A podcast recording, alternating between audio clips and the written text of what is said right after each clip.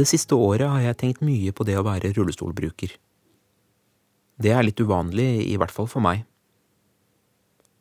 Jeg heter Jan Grue og er akademiker og forfatter.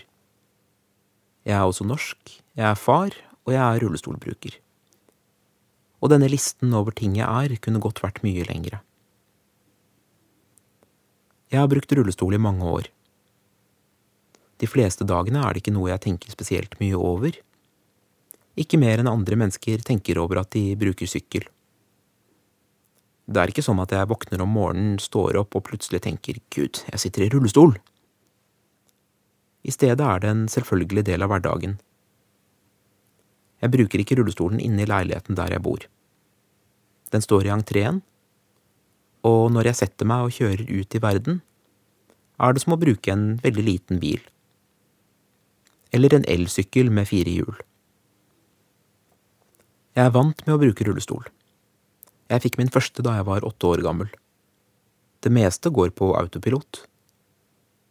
Det er først når noe uventet skjer, som at jeg går tom for batteri eller punkterer, at verden blir full av motstand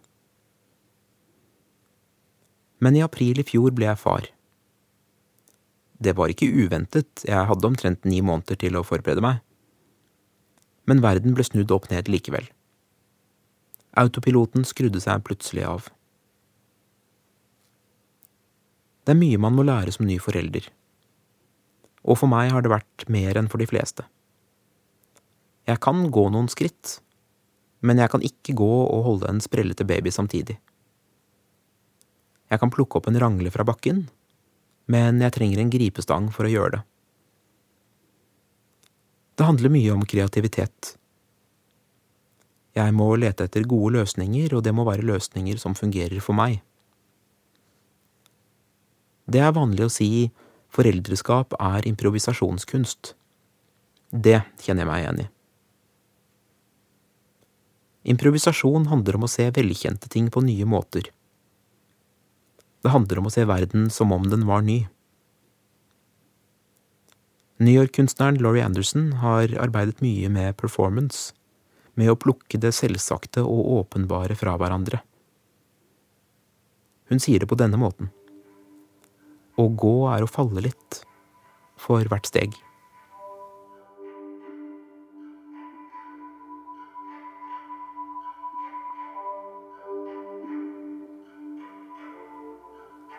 I wanted you.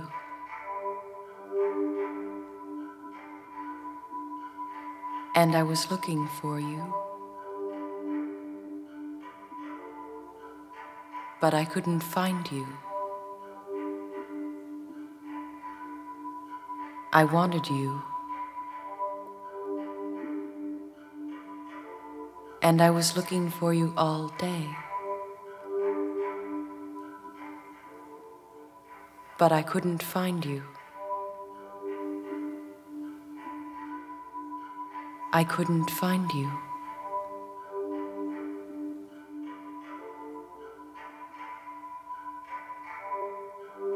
You're walking, and you don't always realize it, but you're always falling. With each step, you fall forward slightly and then catch yourself from falling. Over and over, you're falling and then catching yourself from falling.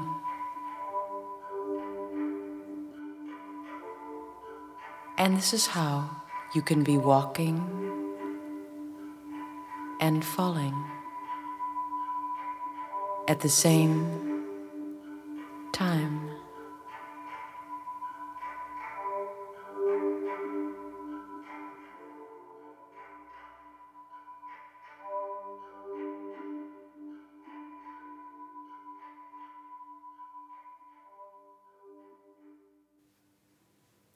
Jeg var 35 år gammel da sønnen min ble født og når man er 35, er man som regel blitt ganske godt kjent med seg selv.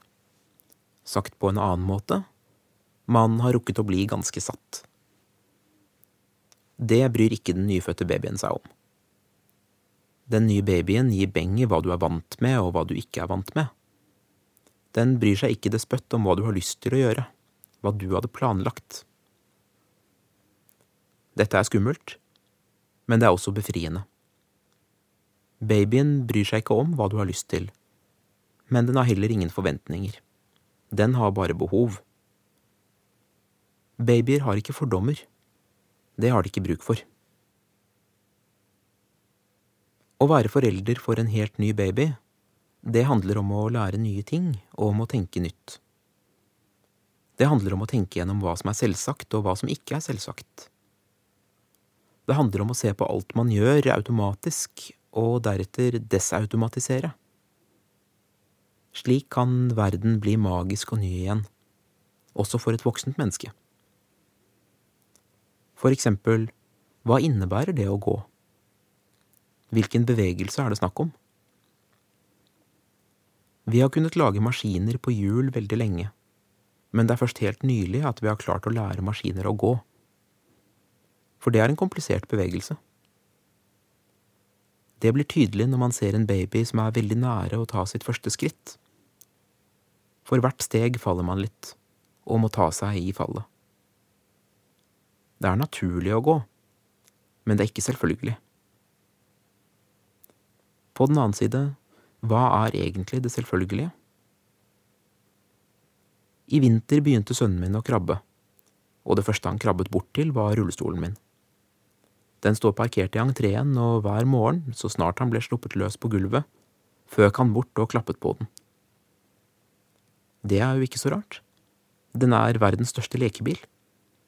Og den hadde alltid vært der, den var en selvfølgelig del av hans verden. Jeg visste ikke at sønnen min kom til å forelske seg i rullestolen, men jeg hadde en mistanke. Rullestolen er av merket Permobil, det er en Permobil X850.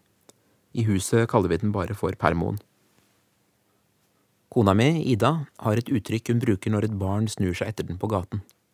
Der var det sultne permoblikket, sier hun. Og det sultne permoblikket ser vi hele tiden. Det er grådig og direkte. Barna ser ut som om de vil spise rullestolen min. Og noen ganger prøver de det virkelig.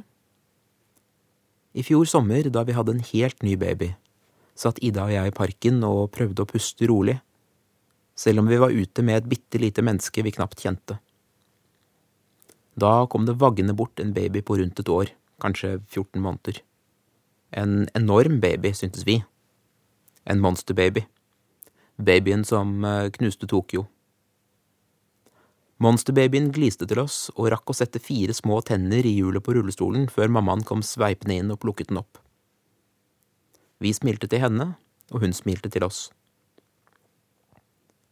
Det hjulet er nok ikke helt rent, nei, sa vi. Og så satt vi og snakket en stund, mens monsterbabyen forgjeves forsøkte å få seg en bit til med rullestol. Og det er det vanlige, de fleste gangene, at vi har en hyggelig prat men det hender at de voksne blir beskjemmet. Det hender at de trekker fireåringene sine raskt videre når fireåringene spør hvorfor sitter det en mann i rullestol? Eller bare hva er han? Da hender det at de voksne sier med stram stemme hysj, ikke spør om det. Eller nå går vi. Jeg tror det skjedde oftere før. Kanskje er det jeg som har forandret meg? Kanskje er jeg raskere ute med å smile avvæpnende enn jeg pleide å være. Men kanskje er det noe som har forandret seg rundt meg også. Kanskje er det flere rullestoler i gatene. Kanskje er vi alle sammen blitt mer vant med at rullestolbrukere er som alle andre. Vi lærer å oppføre oss og spille hverdagslivets teater, én dag om gangen. Og barna lærer raskt om det er greit å spørre, eller ikke. Barn lærer raskt hva det vil si å oppføre seg som folk, som mennesker.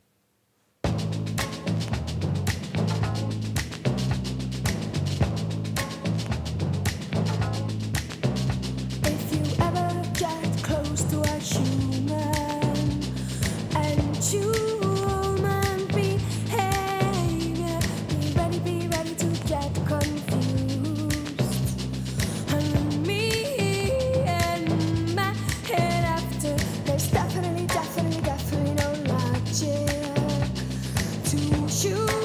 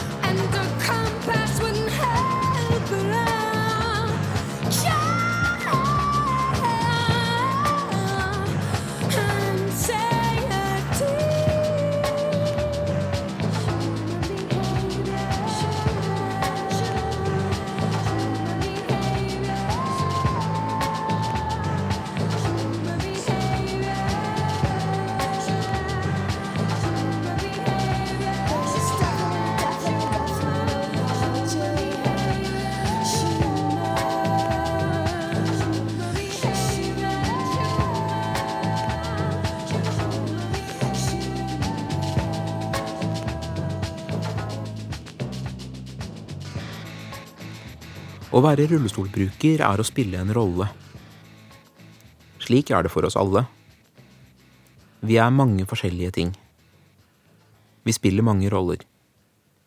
Det skjer gjennom et liv, men det kan også skje gjennom en dag. Vi oppfører oss forskjellig når vi er på jobb og når vi er hjemme, når vi er ute i byen og når vi er på ferie. Men som rullestolbruker har man nesten alltid med seg en stor og gjenkjennelig rekvisitt. På en scene blir publikum umiddelbart oppmerksomme på en rullestol. Den skaper forventninger. En rullestol kan bety mye forskjellig, men den betyr alltid noe. Den er aldri nøytral. Det finnes så mange fortellinger om rullestoler, og om oss som bruker dem. Noen av disse fortellingene er veldig korte. De kan være så korte som tre ord. Lenket til rullestolen. Denne klisjeen, for det er en klisjé, er underlig for oss som bruker rullestoler. For vi bruker dem. Vi er ikke mer lenket til dem enn andre mennesker er lenket til bilene sine, eller til brillene sine. Siden han kom i 40-årene og begynte å bli langsynt, har han vært lenket til lesebrillene. Nei, nei, det, det klinger ikke helt riktig. Det finnes også lengre fortellinger om rullestoler. De finnes i bøker, og de finnes på film. Det er slik med de gjenkjennelige rekvisittene. De brukes igjen og igjen, for de er nyttige og effektive. Man kan fortelle en historie med dem uten å bruke så mange ord. Jeg skrev en bok om disse fortellingene for noen år siden. Jeg kalte den for Kroppsspråk, som i språket vi bruker for å snakke om kropp. Språket vi bruker om mennesker med kropper som er uvanlige, og historiene vi forteller om slike mennesker. Vi forteller ofte historier som om utsiden og innsiden stemmer overens. Den stygge er slem, og den pene er snill. Vi forteller ikke alltid slike historier. Noen ganger liker vi å bli fortalt historier der slike forventninger blir gjort til skamme. Men forventningene finnes. Helter er pene, skurker er stygge. I James Bonds univers kan man kaste et blikk på en karakter og vite hvilken side han eller hun står på. Unntaket er når et pent menneske viser seg å være en skurk. Da ser vi plutselig at de har tatt av seg masken og vist sitt sanne jeg. Ta James Bond-filmen Skyfall. Skurken, Silva, ser ganske striglete ut når vi først møter ham, men vi ser at det er noe som ikke stemmer. Så tar han ut løstennene og tar ansiktsprotesen av. Ansiktet hans faller sammen. Vi ser hans virkelige jeg. Vi ser at han er et monster. Slik er de enkleste fortellingene, de vi stadig vender tilbake til. Mennesker med skadede kropper er monstre, eller tragiske ofre. Og så er spørsmålet James Bond, som vi heier på, hvordan er det noe med ham? Med alkoholvanene hans, med tilknytningen til andre mennesker. Ville du vært venn med James Bond? Ville du bedt ham på middag?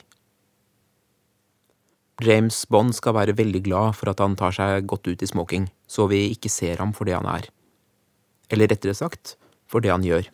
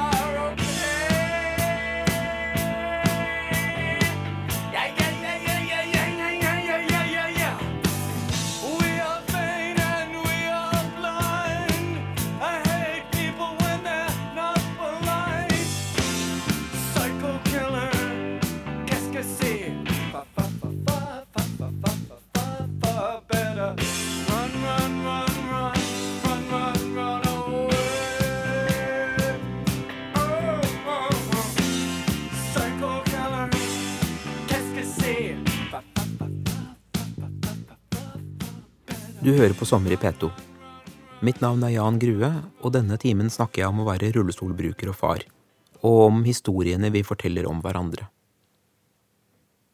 For ti år siden fikk jeg min første ordentlige jobb, som doktorgradsstipendiat i språkvitenskap.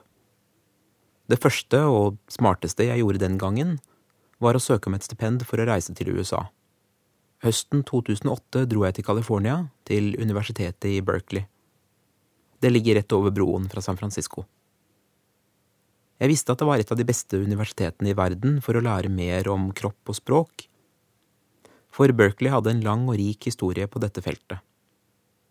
Der var man opptatt av hvilke historier som ble fortalt om ulike grupper mennesker, og om hva de hadde å si for samfunnet. På 1960-tallet var den amerikanske borgerrettighetsbevegelsen på sitt sterkeste. Den handlet kanskje først og fremst om svartes rettigheter. Men det å kunne stemme ved valg, og kunne bosette seg der man ville og kunne ta utdanning, Dette var også rettigheter mange funksjonshemmede manglet. Årsakene til diskrimineringen var ulike, men kampen lignet. I Berkeley samlet det seg flere pionerer som preget både universitetet og området rundt San Francisco Bay. Det ble bygget opp en bred solidaritetsbevegelse. Og da funksjonshemmede aktivister gikk til militante aksjoner og okkuperte offentlige bygninger i 1977, fikk de forsyninger og støtte fra The Black Panther Party. Da jeg reiste til Berkeley i 2008, var det lenge siden aktivisttiden, men sporene satt i. Samfunnet hadde blitt endret. Noen kamper var vunnet. Først og fremst var det enkelt for en rullestolbruker å være der. Med ramper og heiser overalt, og god informasjon om tilgjengelighet. Men kanskje aller viktigst, en holdning om at rullestoler og de som brukte dem, ikke var til bry. Jeg skjønte ikke hvor viktig dette var før jeg kom dit, og det kom helt uventet. En av de første dagene sto jeg ved et fotgjengerfelt og ventet på grønt lys. Mannen ved siden av meg var kul på en litt uh, lurvete californisk måte. Det så ikke ut som om han hadde kjøpt nye klær eller tenkt på hva han skulle ha på seg siden slutten av åttitallet. Han så ned på meg, gliste og sa cool ride, man. Det første jeg tenkte, som var veldig, veldig norsk, var hvorfor snakker denne fyren til meg? Det neste jeg tenkte, var er han sarkastisk nå? Men så, da jeg fikk tenkt meg litt om, forsto jeg at han mente det. Og jeg begynte å, å innse at ja, jeg hadde faktisk en ganske cool ride. Rullestolen min lignet ikke på de amerikanske. De så ut som gamle stressless-stoler, vaklete og ustilige med altfor små hjul. Min var svart og elegant og hadde en kraftig motor. Den kunne kjøre fort. Den var en klassisk Mercedes i en gate full av gamle, slitne Buicker. Etter dette begynte jeg å se på meg selv med et annet blikk enn jeg hadde gjort hjemme i Norge. Å være rullestolbruker er å bli fortalt historier om hvem man skal være. Det er små historier hver eneste dag. Kanskje er det riktigere å kalle dem små teaterstykker, for man må spille med selv, enten man vil eller ikke. Egentlig gjelder dette oss alle. Sosiologen Irving Goffman skrev om dette, om hverdagslivets teater.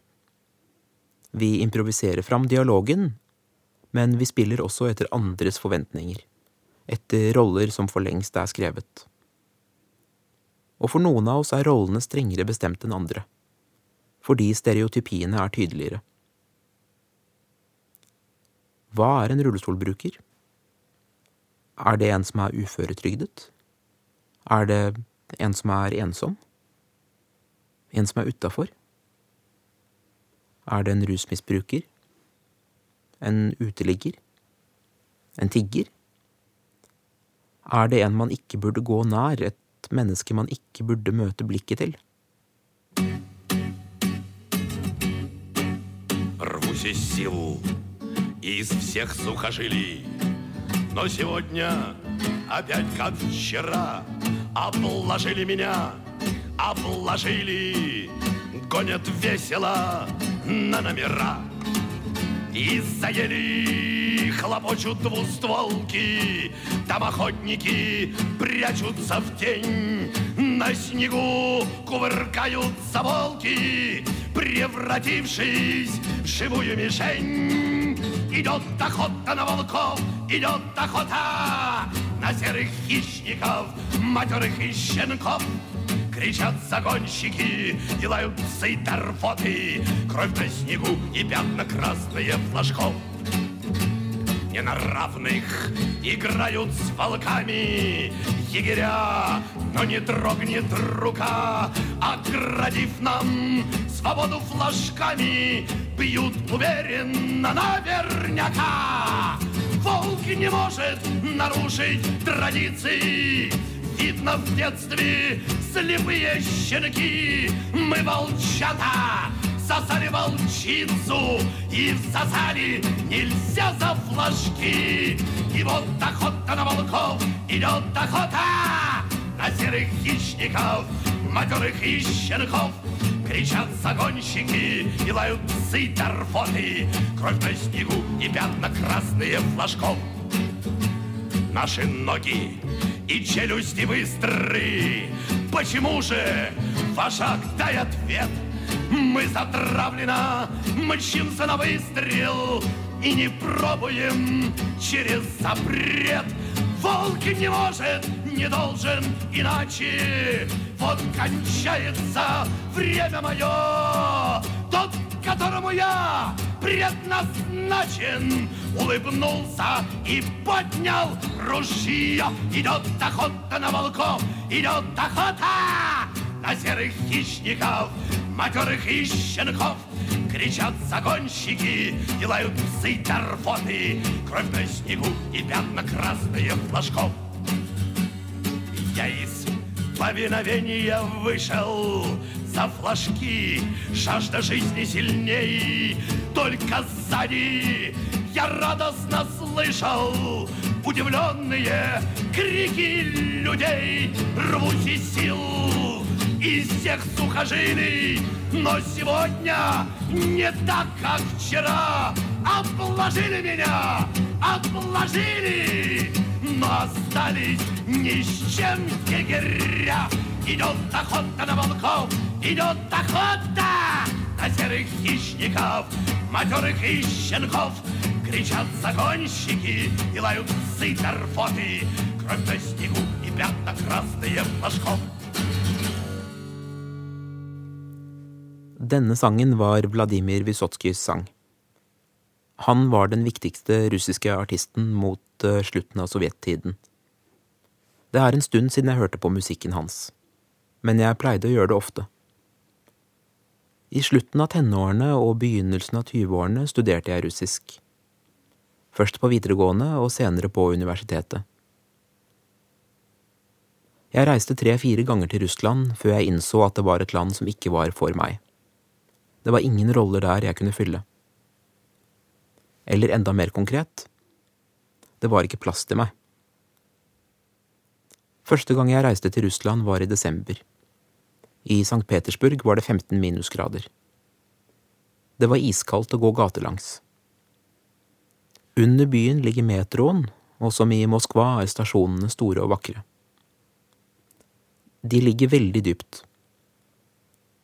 St. Petersburg ligger i myr og sumpland, og man måtte grave seg langt ned til grunnfjellet for å bygge undergrunnsbanen. På de fleste stasjonene er det rulletrapper, og det kan ta mange minutter fra topp til bunn. Vi som var på reise, tredje klasse i russisk ved Oslo katedralskole, lærte oss at det lar seg gjøre å ta rulletrapp med rullestol. Det man trenger, er en venn som kan stå bak, og en venn som kan stå foran. Det lureste er å tippe stolen bakover. Da blir det mer stabilt. Det bare føles ikke sånn for den som sitter i rullestolen. Så der satt jeg, ufrivillig tilbakelent, og kikket opp i taket på vei ned i dypet, og jeg tenkte, nå er jeg her. Stemningen var sakral. Det var lysekroner. Stasjonene var en slags underjordiske katedraler. Og det gikk bra, bortsett fra de gangene vi ble stoppet i døren. Nei, her er det ikke adgang for rullestolbrukere. Dere slipper ikke inn. Det var ingen forklaringer, ingen unnskyldninger. Vi var et problem, og vi skulle ikke bli deres problem. Andre ganger ble jeg tilbudt penger av gamle damer på gaten. Jeg satt der i de norske klærne mine. Jeg trodde jeg så nokså velkledd ut, men jeg satt også i rullestolen. Derfor var det synd på meg. Derfor måtte jeg få trykket en mynt i hånden. Vi ble møtt med fiendtlige, uforstående blikk. Hva gjør dere her? Skal dere inn her? De eneste andre rullestolbrukerne jeg så, var dem som satt og tigget på gaten. Noen må ha vært veteraner fra krigen i Tsjetsjenia. Andre hadde historier jeg ikke ante noe om. Men det var ingen rullestolbrukere som meg. Ingen som hadde gode sko og varme jakker. Ingen som kunne spise på restaurant og gå på museum. Etter tre–fire reiser ga jeg opp Russland. Det var trapper overalt, ingen ramper, ingen heiser. Jeg liker fremdeles det russiske. Jeg liker litteraturen, jeg liker det åndelige alvoret. Og det er 15 år siden jeg var der sist. Ting kan ha forandret seg. Men jeg tror ikke egentlig det. Fra Russland husker jeg veldig sterkt følelsen av å være til bry. Av å være et uventet og uvelkomment problem. Den følelsen har jeg kjent på i Norge også, om enn ikke like sterkt. Den knytter seg til mange situasjoner. Det de har til felles, er gjerne at jeg har vært et sted der det ikke har vært så mange rullestolbrukere før. Det har skjedd på spisesteder, og det har skjedd under studiene. Det har skjedd i byen, og det har skjedd på landet. Jeg har opplevd det alene, og jeg har opplevd det sammen med kona mi. Folk håndterer problemet på ulike måter. Noen blir beskjemmet og hjelpsomme. Beklager virkelig, vi har visst ingen rampe, men kanskje vi kan få til noe? Andre derimot blir avvisende og bryske. Nei, dette går ikke, dere må nok finne på noe annet. Da jeg var yngre, tok jeg det lettere til meg men jeg har fått tykkere hud. Jeg vet bedre hva jeg vil. Jeg vet bedre hvem jeg er, og jeg har et større repertoar å spille på. Det hjelper å være professor ved et universitet. Jeg skal ikke late som noe annet. Jeg behøver ikke si det høyt. Noen ganger holder det å trekke luften dypt, heve hodet og så si ganske forsiktig hva behager? Da spiller jeg plutselig en annen rolle. Da er jeg ikke noen andres problem. Jeg er ikke lenger en flue som skal viftes bort. Jeg er en kunde, eller kanskje til og med et menneske, som har et legitimt behov. Og jeg kommer ikke til å gå min vei før vi har løst problemet sammen. Jeg lærte mye om disse rollene det året jeg bodde i California. Jeg lærte gjennom å lese bøker og gjennom å bli kjent med nye mennesker. En av bøkene jeg leste, var Staring av Rosemarie Garland Thompson. Hun skriver om hvordan mennesker nesten ufrivillig stirrer på det uvanlige, det ukjente. Det kan være en rullestolbruker. Det kan være noen med en hudfarge man ikke har sett før. Stirringen kan være et middel til makt. Det kan være en måte å undertrykke på. Det er ubehagelig å bli stirret på men det er ikke en enveisrelasjon. Den som blir stirret på, er ikke passiv, for man kan stirre tilbake. Og man kan vite hvordan man presenterer seg for andres blikk. Dette er vanskelig å gjøre alene. Nesten ingen er sterke nok til å gjøre dette alene. Men om man har sett at man ikke er alene, at det finnes mange som er annerledes, mange som er vant med å bli stirret på, så kan man lære av dem. Jeg visste fra før at om man er rullestolbruker, så blir man lagt merke til. Man blir nedstirret. Men jeg lærte at det finnes mange måter å stirre på. Noen stirrer med skeptiske blikk, noen er bare nysgjerrige. Og jeg lærte hvordan man kan stirre tilbake. Hvordan man kan møte fremmedes blikk med et like utfordrende blikk, eller med et selvsikkert smil. Det var et fint år i California. Å reise dit er fremdeles på en måte å reise hjem.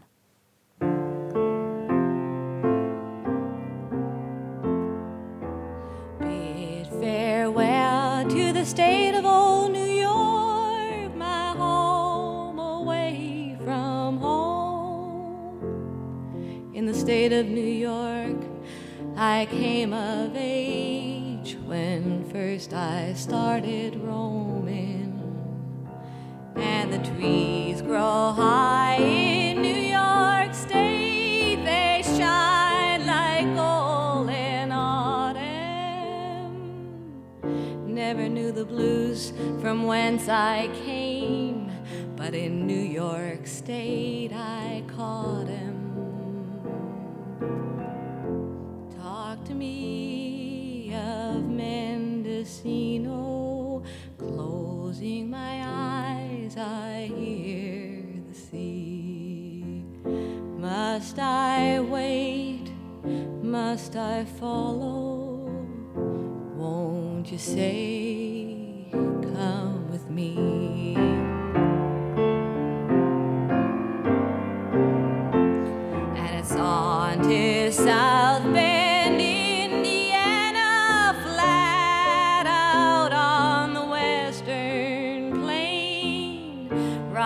Over the Rockies and down on into California, out to where but the rocks remain, and let the sun set on the ocean. I will watch it from the shore. Let the sun rise over the redwoods. I'll rise with it till I rise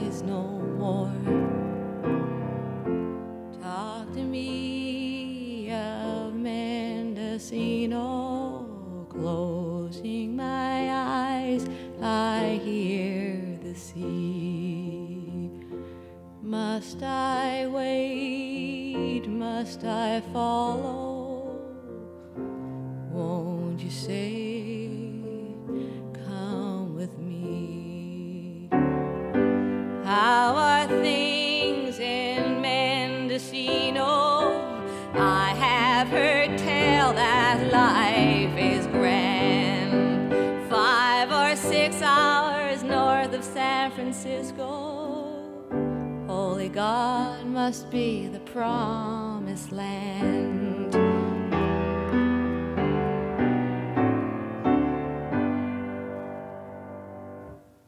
Da jeg kom hjem fra USA, begynte jeg å skrive for alvor. Jeg kjente på behovet for å fortelle mine egne historier. Fra jeg var liten hadde jeg lest alle slags bøker, men det var først under oppholdet i California at jeg skjønte at jeg kunne bli forfatter. Da jeg endelig lærte å skrive, virkelig skrive, var det med forfatter og skrivelærer Merete Morken Andersen.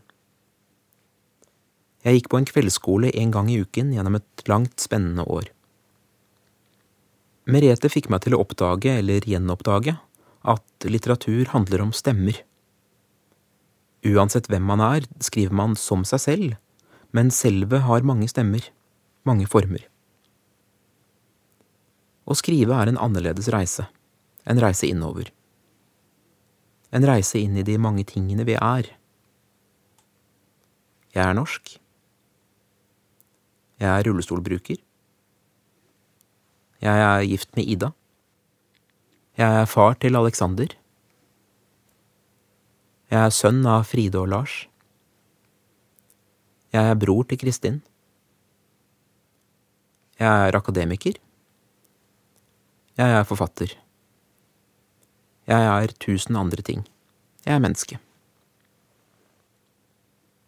Boken jeg til slutt debuterte med, en novellesamling som heter Alt under kontroll, har mange stemmer i seg. Det er mye med den som er dårlig, det er ikke en bok jeg ville skrevet på samme måte om jeg skulle skrevet den i dag. Og likevel, den er meg, på mange forskjellige måter. Musikeren Stephen Merritt er best kjent for bandprosjektet The Magnetic Fields, og med dette bandet ga han i 1999 ut et uh, trippelalbum som heter 69 Love Songs. Planen var visstnok 100 sanger, men det klang ikke så verst med 69 når man tenker på temaet. Dette albumet hørte jeg mye på da jeg var 20 år gammel, og da jeg var 25, og da jeg var 30, og nå når jeg er i midten av 30-årene. Og det er som med gode bøker, som med gode filmer. Sangene er litt forskjellige hver gang, fordi jeg er litt forskjellig hver gang. Historien endrer seg litt hver gang man forteller den.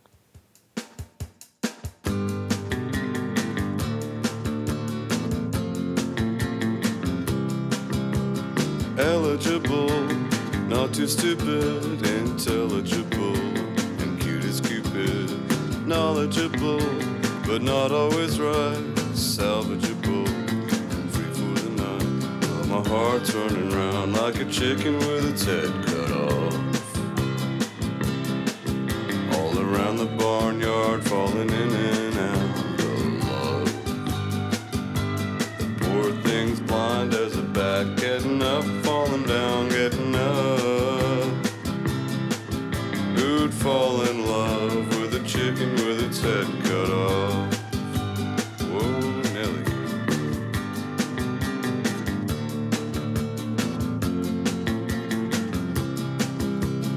My wife doesn't understand me. Many dozens hope to land me. I'm for free love, and I'm in free fall. This could be love or nothing at all. But my heart's running round like a chicken with its head cut off. All around the barnyard, falling in and out blind as a bat, getting up, falling down, getting up. Who'd fall in love with a chicken with its head cut off? We don't have to be stars exploding in the night or electric eels under the covers. We don't have to be anything quite so unreal. Let's just be lovers.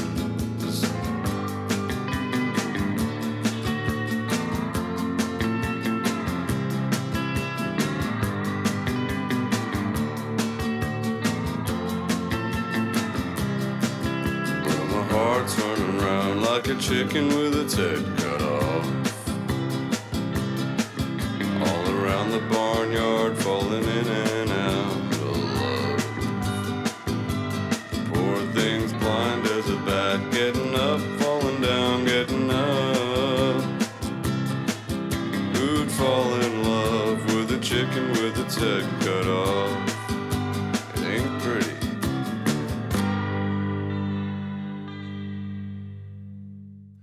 Nærmer meg slutten på denne fortellingen om rullestoler, om familie, om fortellinger.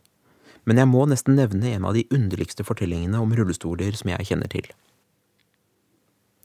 Forfatteren Dag Solstad skriver i sin ellevte roman Bok 18 om Bjørn Hansen, kemneren på Kongsberg, som melder seg ut av samfunnet. Han reiser til Baltikum og fingerer en bilulykke og kommer hjem til Norge i rullestol.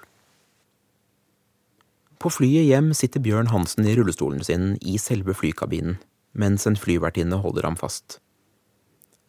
Det er en scene jeg aldri kommer forbi, fordi jeg leser den på en helt annen måte enn de fleste. Jo da, det er en slags tilbaketrekning, et slags nederlag, som beskrives. Men tenk å få ha med rullestolen inn i selve kabinen. Tenk å slippe å sende den ned i bagasjerommet. Dag Solstad, jeg vil fly med flyselskapet i boken din. Egentlig er det bare tre typer mennesker som forstår hva det innebærer å fly med rullestol. I virkelighetens verden. Den ene gruppen er kuratorer som importerer og eksporterer dyre og skjøre kunstgjenstander. Den andre gruppen er musikere som reiser med celloer og fioliner. Og den tredje gruppen er mennesker som har reist med eksotiske eller krevende kjæledyr. Ingen av oss liker flyselskapene noe særlig, og flyselskapene liker virkelig ikke oss. Man kan komme så tidlig man vil til flyplassen, men på et eller annet tidspunkt må man likevel gi fra seg det dyrebare man reiser med. Instrumentet, rullestolen eller iguanaen sin. Deretter kan man bare be til høyere makter om at det vil gå greit på den andre siden av den store metalldøren. Hvis man i tillegg flyr med en baby, da blir det virkelig spennende. Det var det vi gjorde, Ida og sønnen vår og jeg, i november 2016. Vi reiste, selvfølgelig, til Gran Canaria. Det er det småbarnsforeldre gjør. Vi skiller oss ut når vi reiser. Det er vi vant til. Og vi er vant til å bli stirret på. Som regel smiler vi tilbake, Babyen gliser bredest, først et tannløst delfinglis, nå med de små kanintennene sine. Vel fremme i ferieland gikk vi tur. Ofte var det Ida som bar ham i bæretøy. Av og til var det meg. Vi reiste uten vogn, for eh, det er én ting å reise med rullestol, en annen ting å reise med både rullestol og en barnevogn, som jeg uansett ikke kan trille. Med babyen på brystet i bæreselen kunne han se i samme retning som meg. Han sprellet med beina og grep etter styrespaken på rullestolen. Det er, tross alt, verdens største lekebil. Jeg spiller en sang til fra The Magnetic Fields.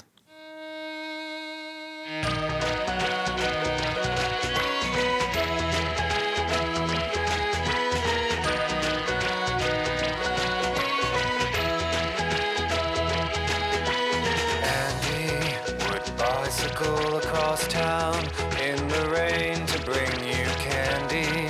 And John would buy the gown for you to wear to the prom.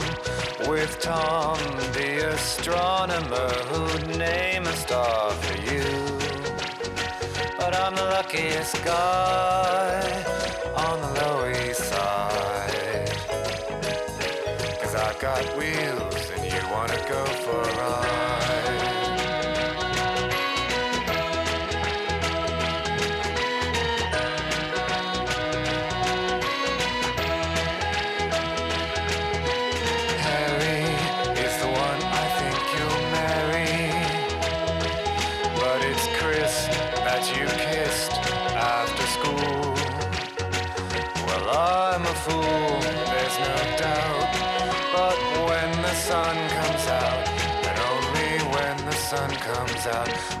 luckiest guy on the Lower East Side.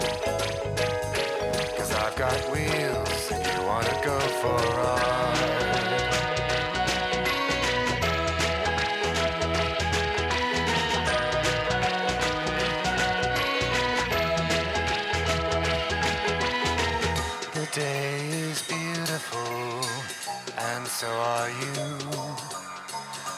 My car is ugly, but then I'm ugly too. I know you'd never give me a second glance, but when the weather's nice, all the other guys don't stand a chance. I know Professor Bloomin makes you feel like a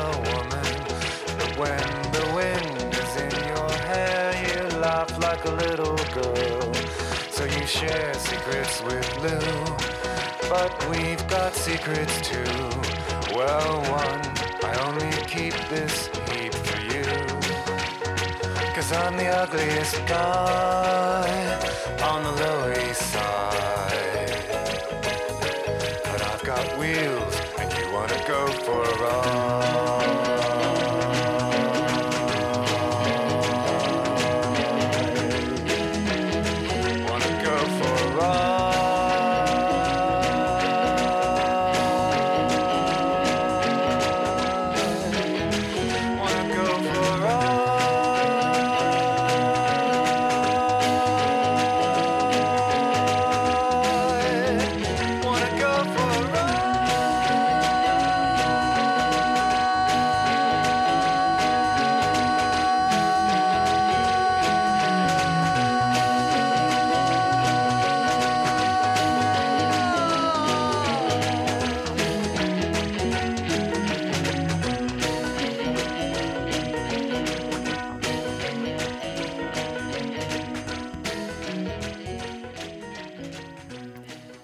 Dette er Sommer i P2. Jeg heter Jan Grue, jeg er professor og forfatter, og akkurat nå snakker jeg om fortellingene vi lager om oss selv. Fortellingene vi lager om livene våre. Man må skrive noe som er sant. Det er den viktigste regelen. Men måten det er sant på, det står man fritt til å velge. Jeg har gitt ut fire novellesamlinger og en roman. Jeg har skrevet noen bøker for barn og noen fagbøker. Det har blitt mange ord. I fjor begynte jeg å skrive på noe som føles eh, annerledes enn de andre bøkene. Jeg vet ennå ikke på hvilken måte den er annerledes. Derfor er arbeidstittelen Terra incognita, det ukjente landet.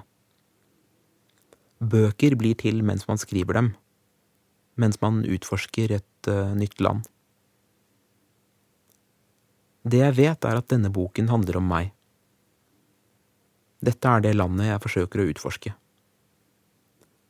Hvordan det er å bli far når man er rullestolbruker, og hvordan det er å vokse opp som barn i rullestol. Å være barn er å ta veldig mange ting for gitt, for man har ikke så mye å sammenligne med. Jeg visste at det ikke var så vanlig å bruke rullestol, men det var det jeg gjorde.